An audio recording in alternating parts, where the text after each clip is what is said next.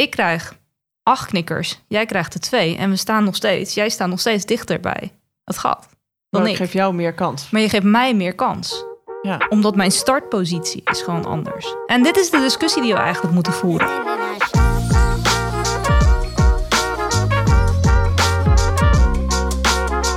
Hey Carmen, daar zijn we weer. Hoe is het? Ja, goed, met jou. Ja, goed. En ik heb meteen een onderwerp weer eh, voor vandaag. Ik dacht, laten we het vandaag eh, hebben over de diversiteitsofficer. Oftewel, hè, na alle aantijgingen van Meghan Markle aan het Britse Koningshuis, hebben zelfs, eh, of zelfs, ik weet niet of het zelfs is, maar hebben zij een diversiteitsofficer aangenomen. En ik vraag me af, hoe zinnig of onzinnig is dit nou? Is het een hype, hè? een mooie term voor de buitenwereld van kijk, wij als hè, de firm doen er wat aan?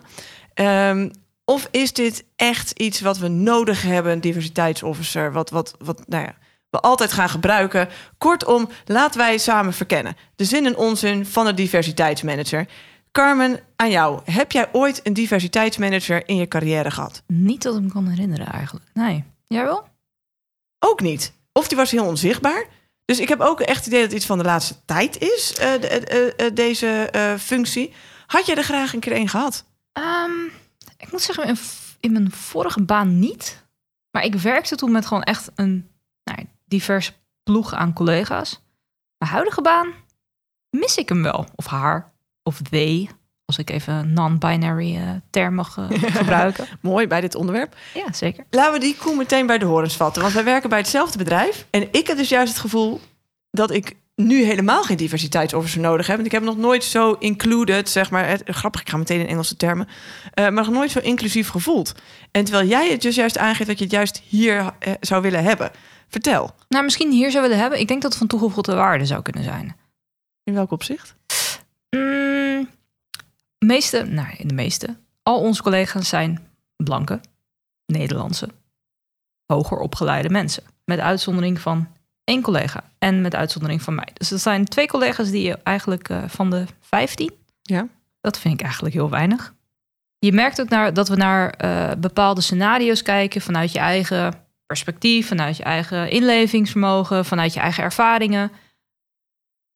Je kijkt niet vanuit het oogpunt van een allochtoon. Je kijkt niet vanuit het oogpunt van eh, iemand vanuit het LGBTQ-gemeenschap. je kijkt niet vanuit het perspectief van iemand die 55 plus is. Als je dat zelf niet bent, als je daar Ja. niet mee geconfronteerd wordt. Hey Carmen, wat ik jou hoor zeggen is dat diversiteit hè, is meer dan alleen maar eh, misschien je huidkleur. Want ik, ik zie het de afgelopen maanden hoor ik in ene diversiteitsofficer en best wel in de MeToo-beweging meegaan. Maar ik hoor jou nu ook zeggen, de 50-plussers, ehm, ehm, leeftijd, ehm, geslacht, eh, geaardheid, eh, van alles en nog wat is wat jou betreft hè, de diversiteitsofficer waar die over zou moeten gaan. Klopt. Check. Dan hebben we, nou, dan hebben we in ieder geval die definitie Ja. samen gelijkgesteld. En toch even terugkomend ehm, op ons, onze gezamenlijke werkgever die wij hebben. En waarvan jij ook zei van nou, we zouden het hier wel eens kunnen gebruiken. Hè? Een diversiteitsofficer, want er zijn maar twee van een andere. Ja, wat zeg je bijna? Ja, in dit geval eh, cultuur. Ja, en we hebben, als je even naar leeftijd kijkt, hebben we bijna geen. Want er zijn 25 tot ongeveer 35, eh 36, 37. Maar dan houdt het ook wel eh, langzamerhand op. Klopt. Ehm, wat zou zo'n diversiteitsofficer dan hier brengen? Nou, de vraag is eerst: wil de organisatie wel een diversiteitsofficer? Mhm. Ik als medewerker kan wel zeggen van, nou, volgens mij is van toegevoegde waarde. Maar daarmee red je het niet. Het moet vanuit de organisatie zelf komen. Dat is net zoiets als, nou, je hebt dan, weet je, dat het hele diversiteitsofficer of manager is eigenlijk een beetje hot item. Vooral in de Verenigde Staten. In Nederland misschien iets minder, maar de Verenigde Staten is echt nou, een heel gewenste rol of gewenste functie voor de meeste organisaties. Maar willen ze wel een diversiteitsofficer? Of is het meer voor de show? Eigenlijk jouw beginvraag, waar je het over had, een koningshuis. Ik denk, heel eerlijk, maakt niet uit wie je daar neerzet als diversiteitsofficer of eh, chief diversity officer, CDO. Als de top niet wil veranderen, of als de top niet inziet dat zij ook moeten veranderen, dan heeft het geen zin. Want dan ligt alle druk ligt bij één persoon. Ja, en één persoon, dat weten wij uit ons werk. hè. Wij, wij helpen organisaties bij hun transities. Ehm Eén persoon gaat het niet veranderen. Nee. Nee, dat, eh, die, die ben ik helemaal met je eens. En, en dan lijkt het meer een doekje voor het bloeden. Van kijk, we doen wat aan diversiteit. Precies. Dan dat er echt wat verandert. Exact. En dat, datzelfde principe werkt ook als ik nu zeg tegen onze eh, leidinggevende, tegen de eigenaars van, onze- van onze Mhm. organisatie: hey, wij moeten een diversiteitsofficer aannemen. En zij doen het alleen omdat ik het zeg. Maar niet zozeer omdat zij vinden dat het noodzakelijk is. Omdat zij daar de toegevoegde waarde van inzien. Snap je wat ik bedoel? Ja, ja, en ik zit meteen of ik op de juiste richting zit te denken. Ehm, hier dacht ik gisteravond nog aan. Ja, ik denk soms aan dingen eh, onder de douche. Ehm, het is eigenlijk dat de meerderheid zou moeten opkomen voor de minderheid. Dat is volgens mij eigenlijk de gronddiscussie die hier aan ligt. En daarmee bedoel ik, je bent altijd ergens een meerderheid in en altijd ergens een minderheid in. En ik denk op het moment dat je de meerderheid bent, dat je niet zo goed het probleem snapt. Of dat, of dat je ook misschien niet altijd wil veranderen. Ik bedoel, er wordt nu altijd discussie dat witte mannen moeten veranderen. En die hebben het gevoel dat ze altijd moeten veranderen in alles. Nou, dat is ook Mhm. lekker hen in een hokje plaatsen. Ehm, maar ik zie, zie nog allemaal dingen, zeg maar, hè, qua vrouwenemancipatie, is ook diversiteit wat mij betreft. Zie ik heel veel dingen wat we zouden nog zouden moeten veranderen. Ehm, maar ik zie ze niet in alle eerlijkheid naar geaardheid. Ik zie ze niet naar huidskleur. Ik denk, maar dat maakt toch helemaal het verschil niet uit. Maar waarschijnlijk omdat ik, ik ben, een, nou ik denk ik hetero. Ehm, ja, ja, ik heb ook wel eens vrouw, maar over het algemeen, ik heb toch een man. Ehm, Dat, dat zegt niks, hè? Even... Nee, daarom. Maar ik, ik, zou mezelf denken, nou, god, dit vind ik dus wel lastig. Hè? Dan moet ik me zo omschrijven. En ik merk dus dat ik nu dus een soort van ehm, niet meer op mijn gemak zit. Ik vind het ook een moeilijk eh, gebied om te betreden, omdat ik misschien te weinig van weet. Maar ook omdat ik denk, ja, andere kleur. Ja, dat is toch geen verschil. En nu moet ik daar een ene op gaan letten of zo. Dus, maar ik hoor dus blijkbaar bij de meerderheid. In die twee gevallen in Nederland. Hè. Ehm, Ja. Dus waarschijnlijk, en dan denk ik toch, dan heb ik dus ook wat te doen. Want ik heb hetzelfde te doen als ik zou willen dat mannen zouden doen voor vrouwengelijkheid. Hè? Want daarin zijn wij nog steeds de minderheid of de, de, de, de newbies in het werkveld. Hoewel we zijn er toch ook al wel zo'n 100 jaar aanwezig. En nou ja, vroeg, vroeg, vroeger waren we helemaal aanwezig. Maar dat is voor de vorige podcast. Hè? Maar dus mijn punt is eigenlijk de meerderheid moet opkomen voor de minderheid. Maar hoe doe je dat als je niet weet wat de minderheid wil? Exact. En is dan een diversiteitsofficer het antwoord? Ik denk dat het een start is. Ik denk dat het een, een begin is. Ik denk niet dat het de oplossing is. Ehm, als we het hebben over naar Engelse termen, dingen zoals white privilege of Mhm. white frailability, dat vind ik eigenlijk een nog betere. Ehm, juist het feit dat je je ongemakkelijk voelt, dat wil zeggen dat we goede discussies aan het houden zijn. Dat we echt het goede gesprek met elkaar aan het voeren zijn. We kunnen wel zeggen, hey, gelijkheid voor iedereen, dus equality. Maar eigenlijk gaat het om equity. Als, het, als de startpunt. Nou ja, het verschil tussen het soort van equality en Mhm. equity. Dus equality is iedereen krijgt hetzelfde. Dus ik heb, je hebt tien knikkers, jij krijgt er vijf, ik krijg er vijf. Maar jij staat drie stappen dichterbij knikkergat dan ik. Dus Ja. de kans dat jij je knikkers allemaal. Ik ga even door met het knikkermetafoor hoor. Ja. Maar de kans dat jij al je knikkers in eh, knikkergat eh, krijgt, is een stuk groter dan ik. Ja. Dat is equality. Equity is, ik krijg acht knikkers, jij krijgt er twee. En we staan nog steeds, jij staat nog steeds dichter bij het gat dan Maar ik ik. geef jou meer kans. Maar je geeft mij meer kans. Ja. Omdat mijn startpositie is gewoon anders. En, ja? En dit is de discussie die we eigenlijk moeten voeren met elkaar. en wat dan? Wat zou dan concreet zo'n diversiteitsofficer dan moeten... Want ik snap deze, hè? En, en- maar ik, ik vind het zo moeilijk om het concreet te maken. Ik, ik, ik kan het ook niet concreet maken. Nee, daar heb ik ook geen eh, antwoord op.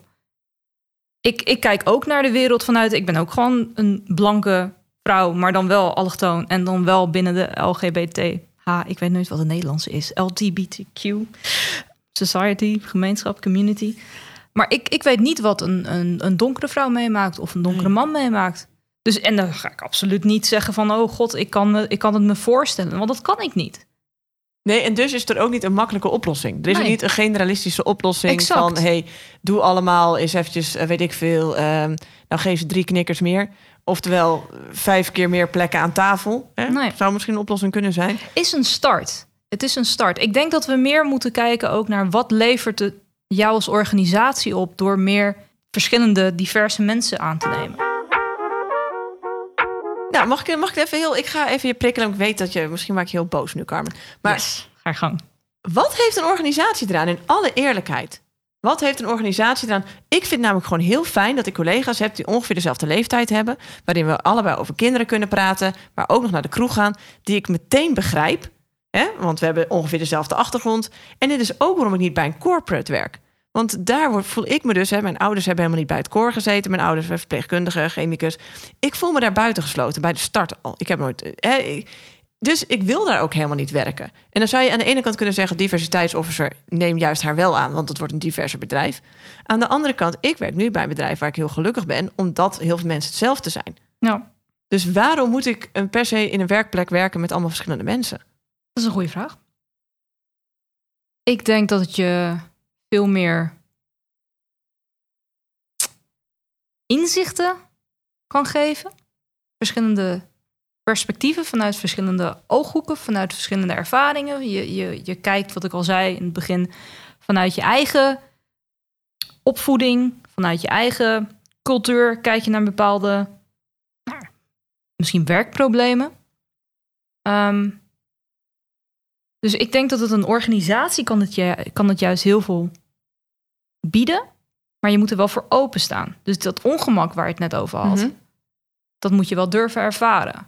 Als jij nu inderdaad zo gelukkig bent met collega's die allemaal rond jouw leeftijd zijn en inderdaad die van drinken houden, super. Maar weet wel dat je een hele groep, een hele grote groep aan mensen daarmee buitensluit. Ja. Die ook allemaal inzichten hebben, misschien met oplossingen komen waar jij nooit aan gedacht zou hebben.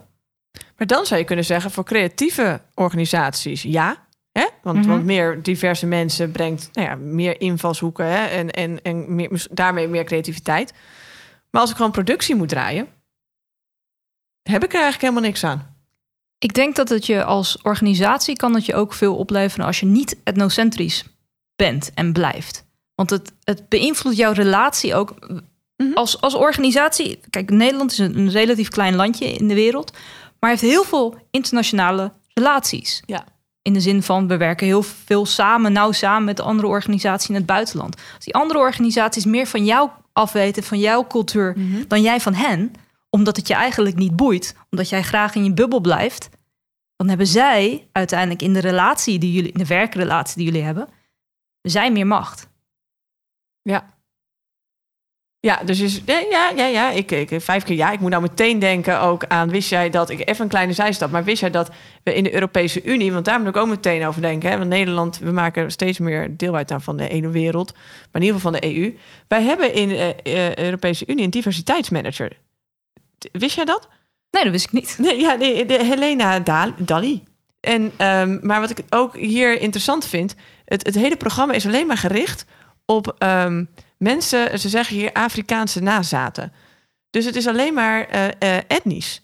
Hmm. Wat ik jammer vind, want er zit veel meer eh, op. Maar zij gaat er ook op in, precies wat jij zegt, ehm, relaties. Hè? We moeten elkaar begrijpen om überhaupt samen te kunnen werken. En dan kan je wel zeggen, ik ga alleen maar met mensen werken. Nou, in mijn geval eh 35, vrouw, blond. Ik weet niet waar ik me allemaal nog meer mee kan Klopt.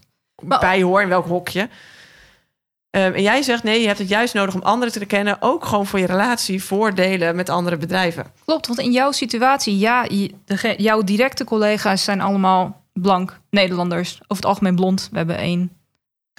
Wat erg. Jens is eh, roodharig. Maar voor over het algemeen eh, niet echt donkerharige mensen. Met uitzondering van mij en eh, van. Ja, dat is, ja, je kan lachen, maar het is zo. Maar kijk even, want wij zijn consultants. We zijn agile Ja. coaches. We komen bij verschillende Ja. organisaties. Dan, moet je ook uit je bubbel stappen. Dan kan je niet zeggen, oh, beste Piet, ja, jij bent 55 plus. Ja, eigenlijk wil ik niet met jou samenwerken. Nee, dat is jouw opdrachtgever. Ja, en dat vind ik ook, dat vind ik wat ik juist heel leuk aan ons werk vind. Ik vind ook het allerleukste als we zelfs internationaal mogen, want dan hè, heb je altijd diverse mensen. Maar het interessante vind ik juist dat bij de bedrijven waarbij wij komen, hè, wij richten heel vaak end-to-end teams in. Oftewel, we zeggen altijd het moet multidisciplinair zijn qua functie, maar ook qua gedrag en alles wat je meebrengt. Klopt. Ehm, en toch hoor ik ook heel vaak terug dat mensen zeggen op het moment dat ze met hun eigen vakgroep zitten, "Oh, zo lekker, wij spreken dezelfde taal. Tuurlijk, Oh, dit is weer even ontspannen. absoluut. Ik bedoel, eh, wat je niet kent is eng. Verandering is eng. Ja. Maar als we even naar een goudvisje kunnen kijken, als, wederom als voorbeeld en slash metafoor. Heb je wel eens dat, dat, die meme gezien van die goudvis die ze hadden opgevangen in het wild? Dat was echt een goudvis van, wat was het, 30 kilo Ja. of zo? Een, een, een echte reguliere goudvis. Goudvissen over het algemeen worden niet groter dan een paar centimeter. Waarom? Ze worden beperkt in hun omgeving. Als jij in een Ja. viskommetje zit, dan ga je niet groeien ten opzichte van de omgeving. Hetzelfde geldt voor ons als, als, als maatschappij, sociale wezens eigenlijk. Als jij in je bubbeltje blijft, dan ja, je kan eigenlijk voor altijd in je bubbeltje blijven. Dat is helemaal prima. Wil jij groeien? Dus de taak van een diversiteitsmanager is eigenlijk het ontbubbelen. Eigenlijk wel. Dat vind ik een veel leukere term. Lekker, ont- ik ben een ontbubbelaar. Ehm, nee, ik weet niet of je meteen gaat solliciteren, maar ik, ik, ik vond het lekker klinken. Je hebt me, en ik vraag me wel af, moet dat dan één persoon zijn, hè, de ontbubbelaar? Ja. Of is het niet een taak van ons allemaal? Het is een taak van ons allemaal. Maar de meeste organisaties zijn redelijk hiërarchisch ingesteld. Of georganiseerd. Dus zo'n diversiteitsofficer moet wel enige mandaat hebben. Als het, als het blijft bij een rol of als het blijft bij weet je, een- een show, showcase, dan, dan heeft het ook geen effect. Maar dan zou, ik, dan zou ik ervoor pleiten dat het alleen maar de CEO van bedrijven nog maar kunnen zijn. Nou, die is de eigenaar van het bedrijf, of, of een heel belangrijk persoon die het in voor te zeggen heeft. Die kan het, als je het echt serieus neemt, die kan hè, met één druk op de knop, of nou voor een bepaald niveau, hè, want wij Nederlanders zijn altijd nooit zo gehoorzaam, maar die kan wel bijsturen. En dan zeg je tenminste echt dat je het serieus neemt. En niet dat je, hè, want ik heb echt een tijdje geleden een keer gekeken naar een mooie vacature. Ik dacht, nou, lijkt me misschien wel eens interessant. Maar dat was uiteindelijk iemand voor twee dagen in de week. En eh, ze zochten want ik was te ervaren. Niet op het onderwerp van diversiteit, maar wel qua werkjaren. Ehm, dus ze zochten iemand met één tot twee jaar werkervaring voor twee dagen in de week. Ja, dan denk ik, je neemt het niet serieus. Nee, absoluut niet. Ehm, doe het dan niet. Want dan wordt het een beetje wat wij ook denken bij het Britse Koningshuis. Het is voor de bühne. Het is voor de show. Absoluut. En dan, dan doe je het alleen maar, denk ik, om je maatschappelijke positie misschien te versterken als bedrijf. En dan doe je het niet meer om, om het echt te veranderen. En daarbij heb ik nog wel een vraag. Ehm, voor wie doe je dit? Hè, en, en is dit een, een, iets wat een verantwoordelijkheid is van een werkgever? Of is het een maatschappelijk probleem wat wij in het bedrijf trekken? Ik denk dat het begonnen is als maatschappelijk probleem. Als ik even, ja, de, de meest gangbare voorbeelden zijn toch in de Verenigde Staten. Mhm. Jaren 60, 70, toen het echt een soort van, nou, ja, begon op te komen natuurlijk, ook met civil rights eh, eh, movement en, en, en alles.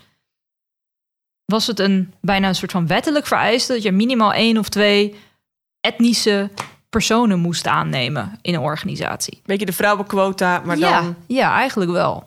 Ik denk dat dat nu, beetje bij beetje, ook met die Black Lives Matters movement en dergelijke, is het aan het verschuiven naar hey, we zien eigenlijk dat diversiteit kapitaal is.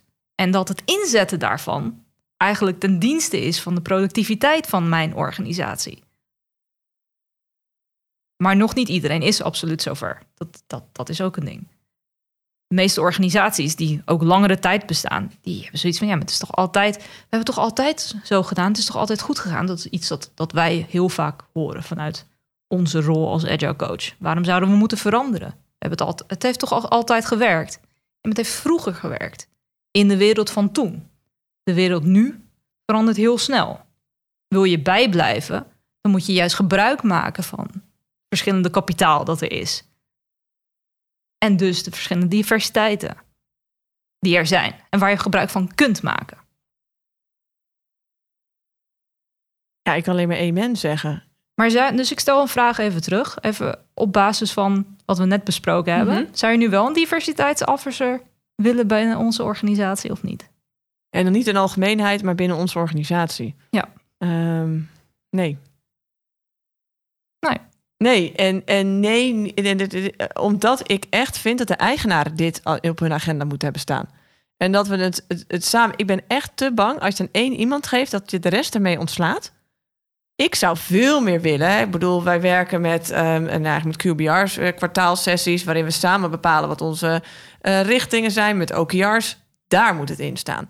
Want dan is het een kern en dan is de verantwoordelijkheid van ons allemaal. En daar mag best één iemand de trekker van zijn. Maar ik zou heel fijn vinden als het iemand van onszelf is die de trekker van is. Omdat het dan ook uit onszelf komt. In plaats van dat we iemand extern gaan aantrekken. Voor iets wat we zelf eh, op te lossen hebben. Ja. tegenargument. die persoon is dan wel de zeikert. Ik voel me heel vaak binnen onze organisatie de zeikert. Ja. En dat is geen leuk gevoel. Nee, maar ik vind ook vooral dat die zeikert... Ehm, wat ik het, het, het ik snap helemaal dat het geen leuk gevoel is. En ik vind het beschamend soms zelfs, nou kijk mezelf aan, dat het dus weer een minderheid is die voor zichzelf op moet komen. Terwijl de meerderheid moet voor de minderheid opkomen. En ik denk dat dat een sleutel is. Als we allemaal eens even zouden bedenken op welk stukje ben je de meerderheid. Want we zijn allemaal ook ergens een meerderheid. Hmm. Ik ben de meerderheid misschien qua huidskleur, uh, maar ik voel me minderheid qua um, uh, geslacht. Um, dus ik heb daar misschien eens een keer de mannen uh, op te prikken.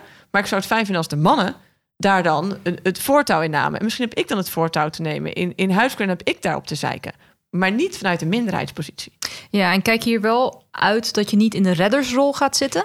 Ja. Want dat is ook heel erg belangrijk. Ik geloof wel dat je als meerderheid de, nou ja, bijna de taak hebt om podium te geven aan de minderheid.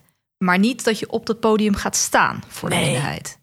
Nee, dan krijg je het bizarre. Hè? Dat, dat, dat, nou ja, dat zie je nu ook steeds meer. Dat de MeToo-beweging en dan staat daar een, een, witte man... waar ik heel blij ben dat hij het omarmt. Precies. Maar die kan nooit het echte verhaal vertellen... zodat ik niet weet hoe het voor jou is. Nee. Maar ik kan je wel vaker bevragen. En het podium... Nee, bevra nee wel, ik denk dat daar de, de, de kennisgap ja. uh, tussen komt... en het podium bieden. Ik ben zelf ook heel erg benieuwd...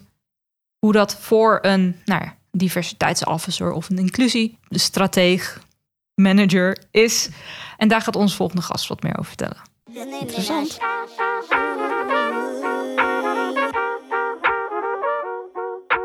Als gast vandaag hebben wij Bernice Velletijmen. En Bernice en ik hebben elkaar ontmoet tijdens de Women in Agile congres in Duitsland. En dat was november 2020.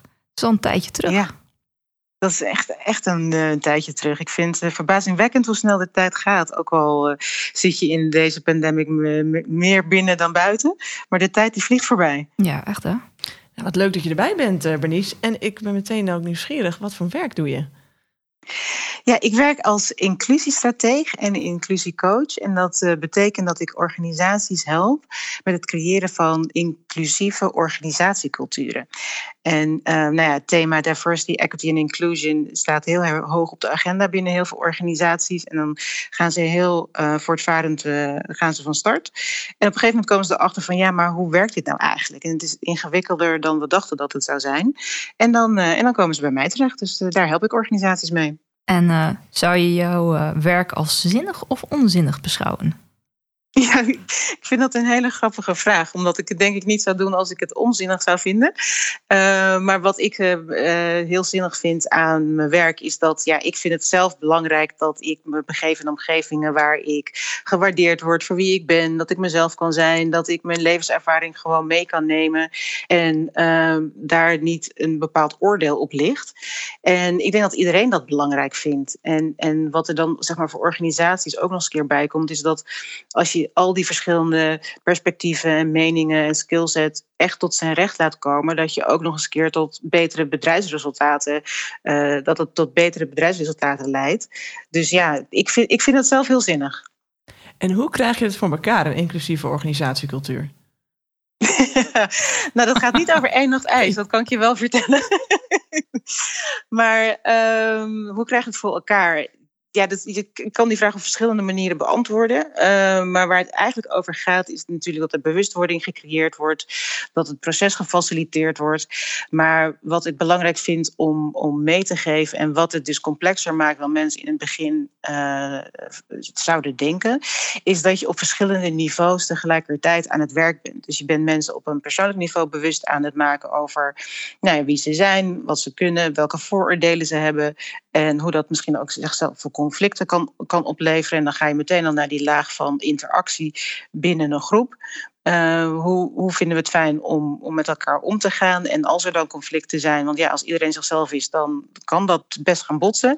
Hoe doe je dat dan fatsoenlijk? En hoe zorg je dan dat je functioneel met elkaar botst, om maar zo te zeggen, dat we daarvan leren? En hoe vertaal je dat vervolgens ook weer naar je werk? En hoe zorg je dat je werk ook uh, inclusief wordt? En, en van daaruit ook Um, de, als je de wereld ingaat via je werk, dat dat, dat dat op een manier is die respectvol is en ook heel veel mensen aanspreekt. Dus ja, het feit dat je op zoveel verschillende lagen tegelijkertijd aan het werk bent, maakt het uh, complexer. Ja, en ik hoor jou eh, spreken over inclusiviteit en wij hebben het vandaag over diversiteit. Zit daar Mhm. een verschil voor jou tussen? Ja, dat zijn twee hele verschillende dingen. Vertel. Ehm, diver, ja, divers zijn, we, eh, divers zijn is een gegeven.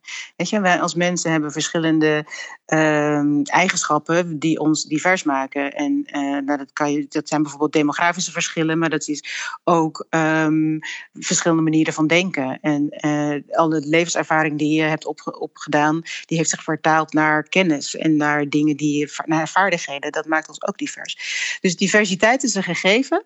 En, ehm, maar inclusie niet. Inclusie moet je aan werken. En te zorgen dat die diversiteit die iemand met zich meebrengt, tot, eh, tot zijn recht komt, zeg maar. Dus in, in, te zorgen dat iets inclusief wordt, dat, dat, dat vraagt actie.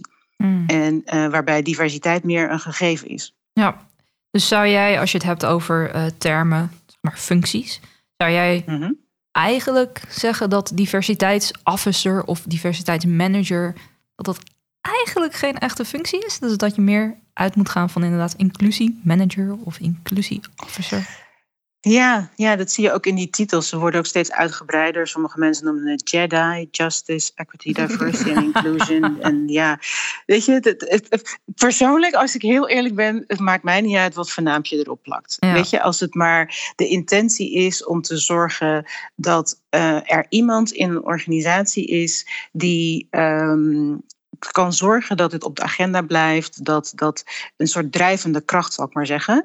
Maar niet in de valkuil stappen dat dan deze persoon verantwoordelijk is om alles op te lossen en dat hij alles op zijn bordje krijgt. Want dat werkt dan ook weer niet.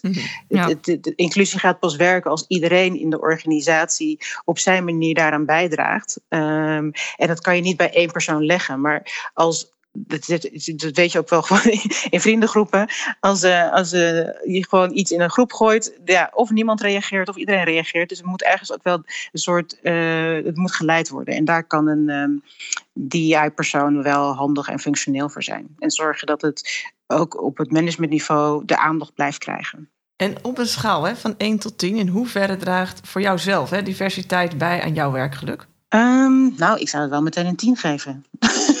dat, ja, dat klinkt ook misschien heel raar, maar ik vind het alleen maar boeiend als ik ehm, met mensen in aanraking kom, met mensen in gesprek ben, eh, die dingen heel anders zien. Ik vind dat oprecht persoonlijk heel boeiend. Dus voor mij is dat heel belangrijk, omdat ik weet dat ik ook maar vanuit mijn persoonlijke bubbel naar de wereld kijk. En dat is heel fijn, het is heel comfortabel. Maar dus niet per definitie de, de omgeving waar je het meeste leert. En daar heb je toch echt wel andere perspectieven voor nodig. En ook perspectieven die je misschien heel vervelend vindt. Uh, maar als je dan de moeite neemt om je daarin te verdiepen van ja, maar waarom vind jij dat dan? En waarom is dat voor jou belangrijk? Hoeft niet te zijn dat je dan meteen met elkaar eens wordt of dat jij meteen van mening verandert, maar het verbreedt wel je blik. En dat vind ik zelf heel, heel erg belangrijk. Als jij één werkregel zou mogen veranderen, maakt niet uit. Je mag zelf kiezen welke werkregel dit is. Welke zou het dan Mhm. zijn? En waar zou je het naar veranderen?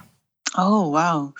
Interesting. Um, ik denk als ik het in een organisatiecultuur gooi, dan, dan zou, uh, zeg maar, bij mensen aannemen is vaak een, een werkregel dat gekeken wordt naar culture fit. Dus van past iemand bij ons uh, uh, in, de, in de cultuur en in de organisatie. En dat is eigenlijk een soort recept om te zorgen dat je vooral dezelfde mensen binnenhaalt die je al hebt zitten. Ja. Dus dat zou ik, ja, ja, ik zou dat graag willen veranderen naar, goh, laten we eens kijken naar wat past hier niet. En, en uh, gaan kijken van, en wat voegt dat dan toe? Wat daagt ons dus het meeste uit? Ja. ja. culture add in plaats van culture fit. Dat vind ik wel een belangrijke. Nou, die nemen we mee. Culture add in plaats van culture fit. Meteen een mooie oproep ook voor iedereen die recruit. Um, ja, ik neem me meteen ook zelf mee. Dank je, dank je Benice, dat we je even deze mooie vragen mochten stellen. En ik heb wel meer...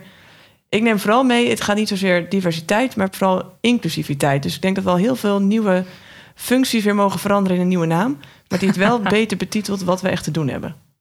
Ja. Nou, mooi. Dankjewel voor de uitnodiging. Super. Ik vond het echt superleuk om, uh, om even met jullie de, de hierover te kunnen praten. Zinnig of onzinnig? Zinnig of onzinnig? En ik heb tot slot nog een vraag aan jou. Ja, we moeten hem afronden. Ja, Carmen. Um, ik, ik, ik vat hem weer even samen. Hè. Um, jij zei het heel mooi, we hebben te ontbubbelen. Hè? Dat is wat een diversiteitsofficer kan doen. Ehm, je hebt het voordeel dat je ook volgens mij uit een veel grotere pool talenten mensen kan aannemen. Absoluut. Ehm, je krijgt meer creativiteit, je ontwikkelt je meer hè, als je met andere culturen, andere leeftijden, nou ja, noem het maar op, eh, samenwerkt. Je krijgt ook meer frictie, hè? maar zonder frictie geen vrij, eh, glans. Wat is het? Zonder wrijving geen eh, glans? Ja, die vond ik altijd heel irritant als je net op dat moment van wrijving zit. Ja. Maar het, het schijnt wel echt zo te zijn. Ja. Hey, maar ehm, zinnig of onzinnig, Carmen, de diversiteitsofficer? Ik vind het lastig. Ik, ik wil zeggen zinnig mits. Oké, zinnig mits. Zinnig mits. Maak je de zin nog af? Oh, sorry. Nou ja, ik hang aan je lippen. ja, dankjewel.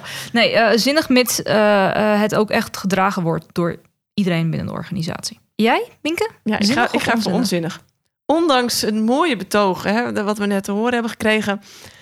Maar het mag niet één iemand van buiten zijn. Het moet het, het, het grotere groep van binnen zijn. En ik weet wel dat daar quota en dat soort dingen in kunnen helpen. Maar kom on, mensen, bedrijven, word daar zelf creatief mee en ga het niet afschuiven op één iemand. Nou, let's agree to disagree in dit geval. En dat was hem weer voor eh, aflevering 2 van De Zin en Onzin van Werk. Dankjewel voor het luisteren. Ja, jij bedankt, Carmen. En mooi, hè? We zijn het toch niet al- altijd eens. eh, ben Nee, ik dat is mooi om te horen. Dankjewel voor het luisteren van deze aflevering. Vond je het interessant? Abonneer je dan op deze podcast. Of praat met ons verder door ons te volgen op Instagram via Zin en Onzin van Werken. Tot de volgende aflevering.